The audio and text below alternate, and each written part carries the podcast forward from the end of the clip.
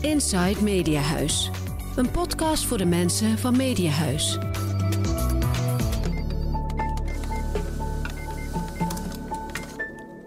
Welkom bij Inside Mediahuis, de podcast voor alle Mediahuis-collega's. Dat zijn er 4335 in vier landen. 2130 in Nederland, 1200 in België, minus 1, waarover later meer. 255 in Luxemburg en 750 in Ierland. Wie zijn wij? Wat bindt ons? Kunnen we leren van elkaar? CEO Gert IJzenbaard gaat in deze podcast op zoek naar inspirerende verhalen samen met mij, Monique Snoeien, adjunct hoofdredacteur van NRC. Inside Mediahuis. Dat was de stem van Judith Jansen. Ze is journalist bij de Limburger en vorig jaar won ze, samen met haar collega Riek van Hulst, een tegel voor Project 46. Ze gingen op zoek naar de verhalen van 46 mensen die omkwamen in het Limburgse verkeer in 2018. Zo stonden ze stil bij wat doorgaans kortjes in de krant zijn en waar je liever niet al te lang bij stil wil staan. Ken jij dat project, Gert? Ja, zeker wel. Ik heb er uh, van gehoord, hè, doordat ze ook de tegel gewonnen hebben. En het staat op mijn lijstje voor uh, tijdens de vakantie. Ik heb een heel lijstje met podcasts en daar staat dit ook bij. Nou ja, Project 46 is volgens mij een mooi voorbeeld van wat regiojournalistiek vermag. Hè, de lezer heel dicht naderen. Dat is het waar we deze aflevering over gaan hebben, over regiojournalistiek. En dat doen we met een man die meer dan 20 jaar hoofdredacteur was van het Belang van Limburg, Ivo van der Kerkhoven. Hij is in Antwerpen in de studio met Gert. Zelf zit ik in de studio in Amsterdam. Zonder internet, maar met een telefoon. Uh, dat noemt zichzelf een digitale mediaorganisatie. Maakt niet uit, we gaan het doen. Maar eerst even dit. From the House. Wat heb jij meegemaakt uh, deze week, Gert, wat je ons wil vertellen? Ja, ik volgde laatst een, een, workshop georganiseerd door onze Nederlandse collega Cor uh, Cornelissen. En Cor is verantwoordelijk voor uh, security, voor de IT-security binnen, uh, binnen Mediahuis. Best een heel, heel belangrijke baan. En door die workshop ben ik te weten gekomen ja, welke bedreigingen er allemaal zijn op dat vlak. En het is best wel, best wel heftig, want ja, ook geleerd dat bijvoorbeeld cybercriminaliteit al groter geworden is dan drugscriminaliteit. En ook bedrijven zijn natuurlijk daar vaak het slachtoffer uh, van. En nu kunnen wij als bedrijf wel heel wat doen op vlak van infrastructuur en firewalls en zorgen dat we met de juiste leveranciers werken enzovoort. Maar het meest interessante en ook wel uh, zorgwekkende wat ik leerde, is dat eigenlijk de meest kwetsbare plek dat zijn wij zelf. Wij zelf als, als medewerkers zijn eigenlijk de meest uh, kwetsbare plek om, om ja, soort software binnen te brengen binnen de organisatie, waardoor wij dan ofwel kunnen gehackt worden, of waar we in het slechtste geval uh, ook door kunnen gegijzeld worden. Is dat alles gebeurd? Nee, gelukkig is het nog niet gebeurd. We hebben wel een aantal incidenten gehad. Uh, maar gelukkig heeft het nog niet uh, tot erg geleid. En we kunnen daar zelf heel veel aan doen, eigenlijk op twee manieren. Je hebt enerzijds, ja, heel enorm belangrijk is dat we veilige paswoorden gebruiken. Het beste is dat je een paswoordmanager gebruikt, hè, waardoor je eigenlijk uh, random veilig paswoorden creëert. En een ander fenomeen is, wat ik denk wat we intussen allemaal kennen, is dat van de phishing mails. Hè. Dat is dat je een mail krijgt die je vraagt om vervolgens op een link uh, te klikken omdat je je paswoord moet aanpassen of, uh, of, dat je een belangrijke betaling hebt gekregen of een contract moet tekenen uh, of, of whatever. Zo zijn er maar liefst per maand 2000 van die mails die gemeld worden. Wat moet je doen als je, zo'n, als je het vermoeden hebt dat je een, een phishing mail hebt? Maar je moet vooral heel alert zijn en elke keer als je iets verdacht ziet ehm, op de knop drukken. In je Outlook heb je een knopje waarin dat je phishing kan rapporteren is heel efficiënt. Dan wordt de mail verwijderd en wordt ook uh, wordt gemeld. En je moet vooral heel alert zijn, kijken wie is de afzender van die, van die mail. Zo, hoe dan ook, als er wordt gevraagd om een paswoord aan te passen of een rekeningnummer te geven of whatever, doe het nooit. Klik op de knop. Um, en beter een beetje te uh, voorzichtig zijn dan uh, gewoon te klikken. En als het keer wel gebeurt, Gert, wat zijn dan de gevolgen voor Mediahuis? Wel, die schade kan echt aanzienlijk zijn. Je leest er ook uh, trouwens over heel regelmatig in onze kranten. Er kunnen zaken vernietigd worden, uh, waardoor dat we bijvoorbeeld uh, een heel stuk historiek kwijt zijn, die weer moet opgebouwd worden, wat enorm moeilijk kan zijn, of die we misschien in het slechtste geval helemaal kwijt zijn. Um, maar wat ook kan gebeuren, is dat je, ja, dat je hele bedrijf op slot gaat, digitaal dan. En dat eigenlijk alles versleuteld wordt en dat je er enkel uitkomt door losgeld te, te betalen. Uh, nu is dat niet iets dat wij van plan zouden zijn op dat uh, moment, voor alle duidelijkheid. Maar je leest er toch over dat er uh, bedrijven, en ook niet de kleinste zijn, die daar slachtoffer van, van worden. Dus het is echt wel een verantwoordelijkheid die bij ons allen ligt om dat echt te voorkomen. Ja, nou, nou zei jij net, de mens is de zwakste schakel in deze.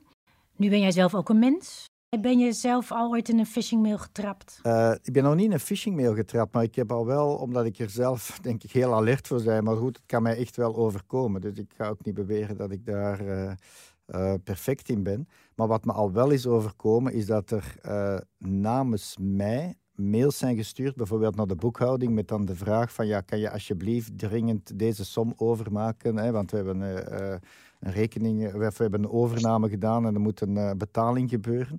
Gelukkig zijn de mensen van de boekhouding, onze collega's, heel alert en hebben ook een systeem waarbij dat eigenlijk ook onmogelijk zou zijn dat ik gewoon zoiets zou kunnen vragen via mail. Maar zulke dingen gebeuren wel en is het echt wel wat schrikken dat er in mijn naam is eigenlijk zulke vragen gesteld worden. Dat heb ik al wel meegemaakt. Nou, goed om te weten. Ik had laatst ook een mail van jou dat ik dacht, is, dat kan niet waar zijn. Maar dat was natuurlijk een phishing mail dan. dat weet ik niet precies. Altijd alert zijn. In the House. Met een lekker lang interview in zijn eigen krant nam Ivo van der Kerkhoven afscheid van de lezer. Meer dan twintig jaar gaf hij leiding aan het belang van Limburg.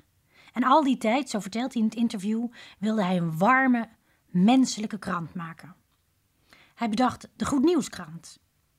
Maar misdaadjournalistiek heeft ook nog steeds een grote interesse. Van mijnwerker tot hoofdredacteur. Volgens Gert is hij de peetvader van de regiojournalistiek. Welkom, Ivo van der Kerkhoven. Dank je. Um, ik ben altijd een beetje in de war als ik uh, praat met uh, Belgen. Want zeggen we je en jij of is het u? Ja, we zijn, we zijn nog niet onder elkaar. Hè? Af en toe zal er eens een gij tussenkomen. Oké. Okay. Nou, um, meer dan twintig jaar hoofdredacteur, maar um, ik geloof 34 jaar uh, in dienst van. Klopt dat? Ja, dat klopt, ja. Een heel leven. Toch in mijn geval bijna de helft, of iets meer dan de helft. Ja. En voor jou bijna een gans leven, zeg. nou, je ontkomt er niet aan om, om terug te blikken op zo'n moment. En de, de, de vraag is vast eerder gesteld, maar waar ben je nou het meest trots op?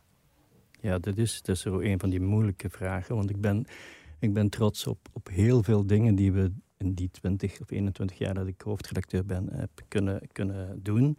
Um, ja, dingen die, die dan heel dicht bij de lezer staan. En zo is er, om er dan toch eentje uit te halen, is er uh, op, op maandag hebben we een vaste rubriek en die heet Voor u opgelost. En daar gaan we op in op vraag van een lezer die een probleem heeft met een instantie. Dat kan kan een overheidsinstantie zijn, maar dat kan ook een firma zijn die, die iets niet geleverd heeft of die uh, iets fout ge geleverd heeft en waar dat de kleine lezer eigenlijk tegen de grote firma door ons gesteund wordt en waar dat wij proberen samen naar een oplossing te komen en waar we ook in lukken. En, en iedere maandag brengen we zo'n verhaal of, of vier en dat, uh, ja, dat, dat slaat aan. Dat is, dat is een van de dingen die we onderweg hebben uitgevonden. Dus als je een ondernemer bent en je krijgt telefoon van uh, voor u opgelost, dan, dan weet je dat je gaat hangen. Ja, je hangen is een zwaar woord, maar er wordt al in, in Limburg, Belgisch Limburg, wordt er al wel eens mee gedreigd van als u niet doet wat u heeft afgesproken, dan stap ik naar de krant. Naar het belang.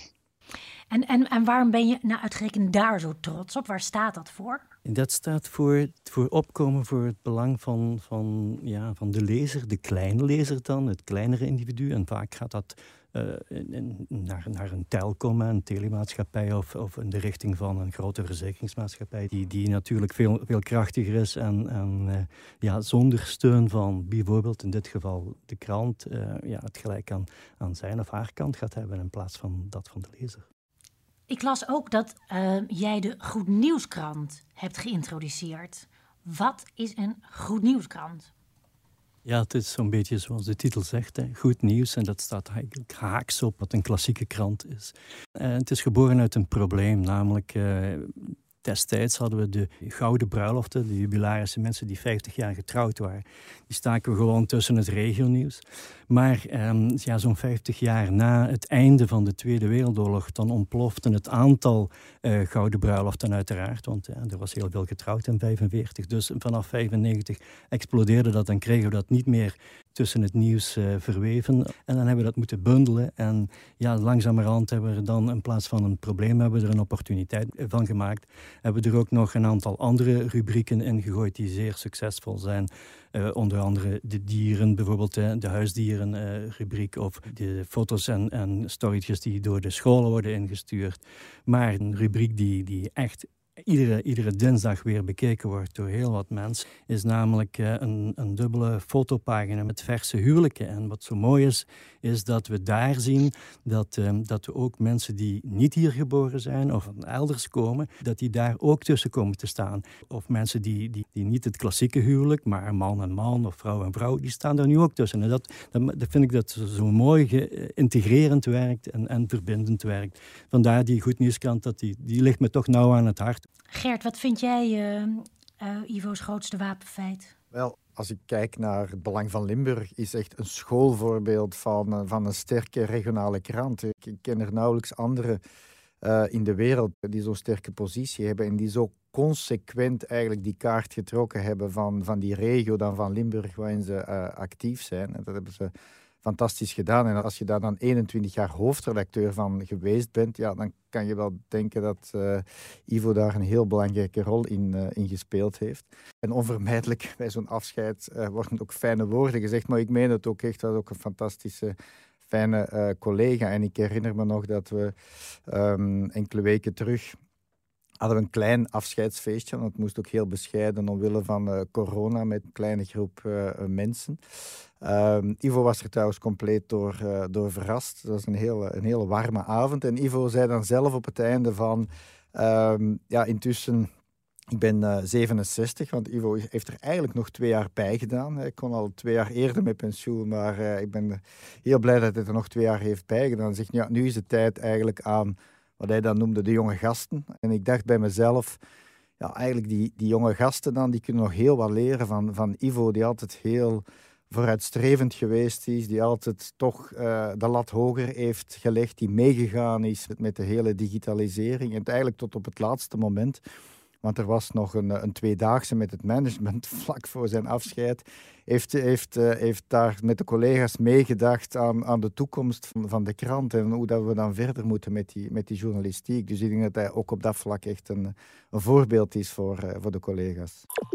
Hoe dicht staat de regiojournalistiek bij de lezer? Ik heb meer dan twintig jaar bij een landelijke krant gewerkt, de Volkskrant. En ik kan uit eigen ervaring zeggen dat regiojournalistiek veel dichter bij de lezer staat. Alles wat om de hoek gebeurt en dat interessant is, kan een onderwerp voor ons zijn. We willen herkenbaar en menselijk zijn. De schandalen waar wij over schrijven spelen ook dichtbij. Een ruzie tussen een horecaondernemer en een burgemeester leeft meer voor lezers dan de hitte in Canada. Voor de lezers zijn wij een vertrouwde huisgenoot. Ze reageren veel sneller op artikelen, ze komen op onze regioredactie langs met tips of om een krantje te halen als de bezorger een keer niet is geweest.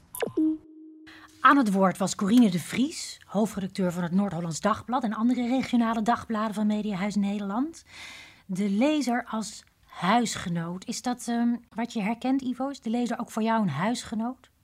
Ja, absoluut. Ik denk dat dat, dat, dat uh, sprekend uh, ook is wat wij, wat wij meemaken elke dag. Mensen die, die, die ons bellen, telefoneren en die, die, die vragen: wat hebt u vandaag in mijn krant geschreven? Dat is hun krant. We staan echt heel dicht bij de lezer en dat is ook belangrijk. Het is ook belangrijk dat je je lezer kent, dat je je publiek kent. Dat is een eerste opgave, dat je ook het gebied waar je werkt, dat je dat kent. Dat je het verschil weet tussen een deelgemeente en een, een hoofdgemeente, dat je, die, dat je die weet liggen, dat je er geweest bent. Ja, ik vind dat echt van groot en wezenlijk belang. Nou wil het Belang van Limburg ook een, een totaalkrant zijn. Hè? Je moet er ook in kunnen lezen over... Uh over Trump en over klimaatproblematiek. Ja. Wat ik me afvraag, onderschat je de, je, je huisgenoot niet ook een beetje als je alles door een Limburgse bril wil bekijken? Ja, kijk, er zijn natuurlijk grenzen en we zullen ook links en rechts, en dat is dankzij de constellatie en de constructie die, waarin dat we vandaag zitten, Mediahuis, Mediahuis uh, Vlaanderen of België, uh, kunnen we beroep doen op, uh, op kopieën en op artikels die we, die we mogen overnemen van het Nieuwsblad en van, van de Standaard over landelijke aangelegenheden en internationale aangelegenheden. Maar daar waar het, uh, waar het enigszins kan, zullen we die Limburgse bril opzetten om toch ook de, de, de vertaalslag te maken. En dat is niet voor elke gebeurtenis mogelijk. Maar als er een, een, een grote brand is in Canada bijvoorbeeld, dan zullen wij inderdaad op zoek gaan naar mensen die bijvoorbeeld een link hebben met Belgisch Limburg. Dat vinden wij eigenlijk heel logisch. En ik weet dat dat buiten onze provincie soms een beetje ja, eh, bekeken wordt als waar, waar, hebben ze het weer over en, waarom zoeken ze toch. Maar je voelt dat die identificatie met, met de krant, met het Belang van Limburg, precies door dat soort dingen te doen, groeit en, en blijft. Daarom doen we het en daarom gaan we, gaan we telkens op zoek naar een band en proberen we ook uh, de, de, de wereld te bekijken door die Limburgse bril. U vindt ook dat, de, dat het Belang van Limburg verbindend moet zijn. Hè? De, uh, de krant moet op zoek gaan naar het verbindende. Maar is het niet ook de taak van een journalist, ook van een regiojournalist, om aan waarheidsvinding te doen? Ook als dat informatie oplevert die een beetje schuurt. Natuurlijk, dat is de eerste taak. Dat is de eerste taak. Maar, dat is, je, hebt, je hebt een heel uh, mandje vol, vol taken die, die je moet doen. Maar uiteraard is de eerste taak van een journalist waarheidsvinding. Dat staat buiten kijf, daar begin je mee. Maar je kan met een, met een titel, met een, met een bepaalde aanpak, met een bepaalde inkijk, kan je het zo op scherp stellen dat je mensen tegen elkaar opzet in plaats van dat je de, naast de waarheid, want die moet je, die moet uiteraard uh, eerst brengen, maar daarnaast kan, kan je ja, de mensen tegen elkaar opzetten in plaats van dat je oplossingen zoekt en invalshoeken die, die vooral kennis uh, doorgeven. Ik, ik, zeg maar wat, de mensen hebben angst, leven, leven vaak in angst voor het onbekende. Een van de voorbeelden is dat eh, als er mensen uit een vreemde komen, hè, zeker in een, in een landelijke provincie zoals, zoals de onze, en men weet niet wat de gebruiken zijn, kent niks van die cultuur, dan is het onze taak, vind ik, onze taak van het Belang van Limburg, om precies inkijk te geven, om die mensen eh, voor te stellen, om, ja, om inzage te geven. We hebben bijvoorbeeld een van de dingen waar ik echt nog wel erg trots op ben, is dat we een aantal jaren geleden met, met kerstavond een, een feestdis verzorgden voor politiek vluchtelingen of asielzoekers. En die, die mensen die werden eigenlijk door lezers uitgenodigd. Hè. Dus wij, wij deden een oproep, wij speelden eigenlijk intermediair tussen die mensen en onze lezers. En zo, zo bezorgden wij een, een feestdis voor, voor een honderdtal asielzoekers. En, en dat eh, tegelijkertijd geeft ook kennis. We brachten er dan ook een, een, een klein verslagje van. En ja, dat geeft kennis door en dat geeft inzicht en dat neemt veel angst weg bij de mensen. Onnodig angst. Ja. Dat doet mij denken aan, ik vind een van de een van de strafste slogans is ja, uit de krantenmarketing. En ik ben zelf marketeer geweest. Ik heb er zelf ook een aantal mee uh, bedacht. De, de legendarische uh, slogan Limburg en Wereldburger. En daar zit eigenlijk alles in wat dat die krant wil zijn. Dus heel de blik op, op Limburg naar binnen gericht, maar tegelijkertijd ook naar buiten gericht. Ik denk dat die het volledig samenvat, toch? Dat is, de mooiste, dat is eigenlijk de mooiste quote, de mooiste slogan die, die ooit bedacht is. Die, die staat nu al denk 25 jaar. 25 jaar geleden is die, is die ooit bedacht en die, die is er vandaag nog altijd. Meer nog, we hebben eh, elke donderdag een vaste rubriek in de krant onder die bewuste titel Limburg en Wereldburger. En dan brengen we een verhaal van een Limburger of een Limburgse die ergens in de wereld uh, uh, haar tenten of zijn tenten heeft opgeslagen en, en die, die daar werkt en leeft. En, en voilà, dus zo zo brengen we een stukje van die slogan, want uiteraard is die slogan veel breder van betekenis en slaat die echt op, op het feit dat wij als, als krant en als Limburgers kijken naar de wereld uh, met, ja, met een open blik en, en uh, onbevangen. En als we het dan hebben over Ivo's uh, erfenis en aanpak, ja, kijk naar de schooncijfers die we hebben. Hè, want uh, 84% van de mensen die een krant leest in Limburg, leest het belang van Limburg. Dat is fantastisch. Hè? En, en het mooiste, misschien nog mooier dan die cijfers, is eigenlijk dat hij erin geslaagd is om een hele redactie vol kritische journalisten mee te krijgen in dat denkkader. Bij ons is regio geen modewoord, het zit in elk facet en elk facet van het DNA van deze krant. Ja, en dat is uh, zeker een van de belangrijkste redenen, we moeten daar niet flauw over doen, dat het Belang van Limburg een voorbeeld is om trots op te zijn binnen die wereld van de regionale kranten. We hoorden Indra, Indra de Witte, hoofdredacteur van het Belang van Limburg. Co-hoofdredacteur sinds acht jaar met, met Ivo. En Ehm, ja, Ivo heeft er acht jaar over gedaan om haar op te leiden, om het nu helemaal alleen verder te zetten. Ja, Ivo, Indra spreekt hier al over jouw erfenis. Ehm, dat eh, moet ook wel vreemd klinken. Ja. Ehm, wat ik mij afvraag, en wat ook Indra zegt, is dat ik denk dat het uh, wat zo belangrijk is voor een regiokrant, is een goede balans te vinden tussen deel te zijn van het netwerk, van het lokale netwerk, van die samenleving, maar ook van het lokale establishment, want die staat toch iets minder op afstand dan dat je doet als een, als een landelijke krant. En tegelijkertijd toch kritisch uh, blijven. Dus mee, het spel meespelen en tegelijkertijd genoeg afstand uh, houden. Ja, inderdaad. Zoals je zegt, die, die balans zoeken en, en, en vinden, dat is, dat is onderdeel van onze rol. En uh, het is gebeurd in, een redelijk recent verleden dat uh, de voorzitter van een grote uh, werkgeversorganisatie in, in Limburg in, in de cel belandde. Ja, dan is dat de kop van de krant zonder pardon. Ook al hebben wij de, de week voordien met hem samen geluncht of zijn wij naar een netwerkvergadering geweest, dan, dan neem je daar afstand van. Dat hoort ook zo, dat doe je dan ook. Op, momenten dat je dicht bij de mensen staat, dan, dan hoort dat zo te zijn. En vooral kijk naar, naar met wie dat je bezig bent. Bescherm de lezer en de man of vrouw die, niet voor de aandacht gevraagd heeft. Bescherm die tegen zichzelf. En heb wat minder uh, compassie voor, voor de grote jongens en, en zij die uh, de aandacht zoeken. Hoe staan de regiokranten er eigenlijk zakelijk voor, Gert? Wel, als je kijkt, uh, wereldwijd staan die heel sterk onder druk. Dit gaat eigenlijk heel slecht met de lokale journalistiek. Uh, als je kijkt, uh, ook al nu bijvoorbeeld met de coronacrisis, al in de Verenigde Staten, hoeveel kranten er gewoon gestopt zijn. Um, idem in, in Europa. Dus die lokale journalistiek staat enorm onder druk, omdat de afhankelijkheid van advertentiegeld nog altijd vrij hoog is. Nu gaat dat advertentiegeld ook richting, uh, richting digitaal. Ook die lokale handel staat enorm sterk onder druk. Dat enerzijds. En anderzijds is het voor een lokale titel ook gewoon vaak heel moeilijk om de investeringen te doen in technologie, in mensen enzovoort, om heel die omslag uh, te maken.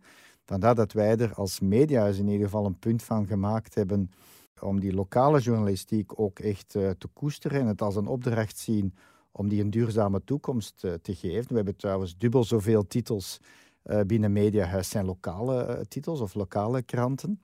Dus daar ligt echt een, een opdracht. Maar anderzijds, en het Belang van Limburg heeft het bewezen, maar ook onze andere regiokranten binnen de groep, dat met de juiste formule, en ah, die juiste formule is er redactioneel, maar ook met de juiste digitale aandacht, dat het mogelijk is om ook daar weer uh, te groeien. En uh, ja, het belang is een voorbeeld daarvan. We hebben meer abonnementen dan, uh, dan ooit vandaag. U luistert naar Waar is Elke Wevers? Het mysterie uitgespit. Waarom komen er meerdere verdachten weg met eenvoudige verklaringen? Als iemand onschuldig beschuldigd wordt, een normaal mens weert zich daartegen. Je bent het perfecte profiel. Ineens staan ze voor je deur met vier man. Wie zou nu echte verdachte kunnen zijn? Het is bijna een thriller. Hè? Dat gemis, dat is immens. Dat wordt elke dag groter en groter. We hadden een prachtige dochter. Die onzekerheid, die angst, die vrees, dat verdriet en dat lijden van die mensen. We leven niet meer. We overleven. Elke dag. Ja, intens verdrietig. U hoorde een fragment uit de podcast Waar is Elke Wevers? Een podcastreeks gemaakt door de collega's van het Belang van Limburg, waarin het verhaal wordt verteld van Elke Wevers, een 32-jarige vrouw uit het Belgisch Limburgse Neroeteren, die verdween op 9 december 2010 zonder ook maar één spoor achter te laten. En de podcast ontrafelt uh, dat hele dossier. Ivo, je bent zelf ook misdaadjournalist geweest lange tijd hè, voor het Belang. Inderdaad. Denk je dat je uit de voeten had gekund met podcast in die tijd? Dat is een moeilijke vraag. Ik denk dat mijn stem oké is voor, uh, voor, voor dit te doen. Maar natuurlijk, uh, toen, toen ik misdaadjournalist was in, uh, ja, in 1987, 88, toen dachten we nog een beetje aan radio, maar helemaal niet aan podcasting. Dus dat is een, een erg theoretische vraag. Maar vandaag ben ik wel blij dat we doen met het Belang van Limburg. En het is zeker mijn, mijn collega-opvolger uh, Indra de Witte die daar heel hard op pusht om ook uh, met het Belang van Limburg uh, regelmatig ons beste beentje voor te zetten op, op het gebied van podcast. Ja. Het past natuurlijk in een hele nieuwe digitale strategie van de kranten. Nu ga je met pensioen. En op de een of andere manier link je altijd digitale vooruitgang aan uh, jonge mensen. Klopt dat? Gaat het nu opeens heel hard als jij weg bent? Of, uh... Denk ik mag zeggen dat ik daar altijd wel erg in geïnteresseerd ben geweest. uiteraard moet ik ook toegeven dat een 67-jarige niet zo snel aan handig is als een 20-jarige met de knopjes en, en de smartphones. Maar anderzijds uh, ja, zit het toch ook wel in mijn eigen genen om, uh, om uit te kijken naar, naar vernieuwing en om daar, ook, om daar ook blij mee te zijn dat die, dat die vernieuwing er is. En dat is ook een permanent gegeven. Het is niet omdat je vandaag podcast maakt dat je over twee jaar iets anders moet doen of iets extra's moet doen. Je gelooft ook heel sterk in die, die samenwerking met jonge mensen. Het Belang van Limburg heeft uh, in het gebouw, in het nieuwe gebouw in Hasselt, uh, op de bovenste verdieping, is, um, die wordt eigenlijk uh, ingenomen door studenten van, van de hogeschool die journalistiek studeren. Hoe zie je dat eigenlijk? Hoe loopt die samenwerking? Die, die loopt goed. Uiteraard nu in coronatijd heeft een, heeft, hebben we het een, een klein beetje een lager pitje gedraaid. Maar ik vind het bijzonder belangrijk dat uh, ook onze redactie uh, permanent geconfronteerd wordt met, met dingen waar 20-jarigen, 19-jarigen, 21-jarigen mee bezig zijn. Voordat je het weet ben je als 30-jarige al oud. En denk je dat dat de wereld is. En dus elk jaar opnieuw nieuwe studenten zien binnenkomen dankzij dat project dat we samen met die hogeschool hebben. Dat is een zegen voor de krant. En, en ja, soms komt er ook nog eens een hele goede journalist uit en dat is dan lekker meegenomen, denk ik, voor een redactie. Overigens geloof ik helemaal niet dat 60-plussers niet zouden kunnen vernieuwen. Hè? Dat wil ik toch nog wel even gezegd hebben. Ivo, ik heb nog een vraag die mij bezighoudt. Je was uh, erbij toen we gestart zijn met Mediahuis in 2013. Je stond op de eerste rij. Je hebt het de hele tijd meegemaakt. En uh, ja, je bent nu een volledig uh, vrij man. En dan ben ik wel geïnteresseerd. Wat is nu je ongezouten advies voor, voor ons? Voor de collega's die achterblijven en voor, voor Mediahuis? Nou, kijk, Mediahuis doet het formidabel, Gert. Uh, het is niet omdat ik uh, niet meer in loondienst ben dat ik, uh, dat ik ook de realiteit niet zie.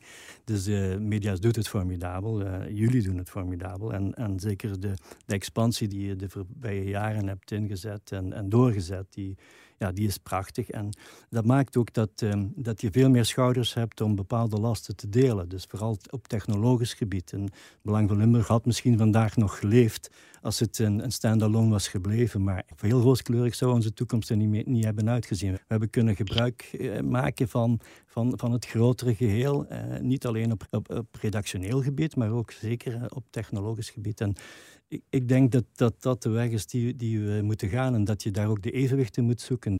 Ivo, ik heb echt met heel veel interesse geluisterd naar hoe jij spreekt over regiojournalistiek.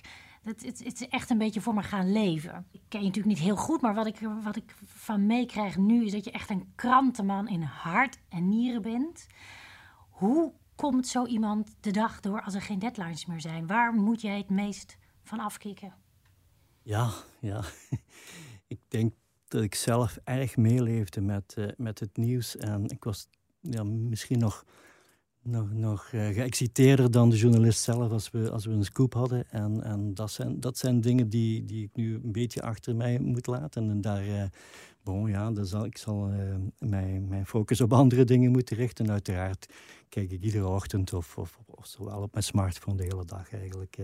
kijk ik naar wat de collega's bezig zijn vandaag. En, en af en toe is er zo wat binnensmonds gemopper uh, van, van een kansje dat, dat we gemist hebben. Ik hoop dat ik daar dat ik niet die oude zeurpiet ben, uh, ben en word en dat ik daar achter een paar weken toch vanaf ben. Maar nu is het nog een beetje moeilijk, ja. Nou, sterkte en heel veel dank. Graag gedaan. On the House. Wat moeten we lezen, kijken of luisteren? We zijn bij het laatste onderwerp van deze Inside Media Huis beland. De tip van een collega. De tip in deze vierde aflevering komt van Martin Groenewold. Hij is journalist bij Dagblad van het Noorden. En het is eigenlijk wel een ideale tip voor de vakantie. Want hij heeft het over de podcast Terug naar Rotterdamplaat. Het is ongeveer twee jaar geleden dat ik, Martin Groenewold van Dag van Noorden, mijn collega Frank van Hebel op de luister-CD alleen op een eiland attendeerde. De CD bevat alle opnamen van de gelijknamige en legendarische uitzendingen die op 10 juli 1971 begonnen. De schrijvers Godfried Bomans en Jan Wolkers verbleven iedere week op het onbewoonde eiland Rottermerplaat en deden daar dagelijks live via de radio verslag van. De presentatie was in handen van de toen nog onbekende presentator Willem Ruis en de begintune van alle afleveringen startte met Meeuwengekruis. Voor wie de luister-CD nog nooit heeft gehoord, doen. Maar we waarschuwen je alvast, het is de start van een levenslange verslaving. Jeroen Kelderman, met wie we de driedelige podcastserie maakten, kan erover mee vertellen. De tobbende Bomans vormt een fijn contrast met de uitbundige Wolkers. Bomans omschrijft zichzelf als een heer uit Haarlem die langs het strand wandelt. Wolkers raast tot ontsteltenis van de meeuwen in onderbroek of zonder over het eiland. En aan de jonge Ruis de taak via de zender de zaak onder controle te houden. Bomans overleed een half jaar na de uitzending. Zijn naam zal voor altijd met Rotterdamplaat verbonden blijven. Martin deed onze voorspelling. Frank, Jeroen, jullie zullen nooit, maar dan ook nooit meer normaal naar een mail luisteren. Hij kreeg gelijk. Dus beste luisteraars, jullie zijn gewaarschuwd. Gert, als we jou een week op Rotterdamplaat zetten, ben je dan de, de tobberige Bomans of de uitbundige Wolker? Oh, ik denk dat ik op die plaat toch eerder als Wolkers uh, fris en vrij zou rondlopen, ja, absoluut. Ja. Zonder onderbroek. En Ivo? Ik hou mijn onderbroek aan, maar voor de rest heb ik alles met Jan Wolkers. En Monique, wat, wat, wat ga jij doen? Ja, ik, ik, ik zou willen dat ik de natuurminnende Wolkers ben, maar het is waarschijnlijker dat ik de hele tijd overal bang voor ben. Inside Mediahuis. Deze luistertip kun je ook terugvinden in de show notes van deze uitzending. En die vind je op de Inside Mediahuis pagina van het intranet Connect. Deze podcast gaat ook even met vakantie. In september zijn we weer terug. Heb je in de tussentijd een kijk, lees of luistertip van een collega of van jezelf, wees gerust schaamteloos. Stuur dan een mail naar insidemediahuis.mediahuis.be. Of laat ons op dat adres weten wat je van deze podcast vindt. Voor nu en voor wie op vakantie gaat, heel veel plezier. Rust lekker uit en luister naar de meeuwen. Inside Mediahuis. Wil je iets delen? Heb je een vraag? Laat je horen via insidemediahuis.mediahuis.be.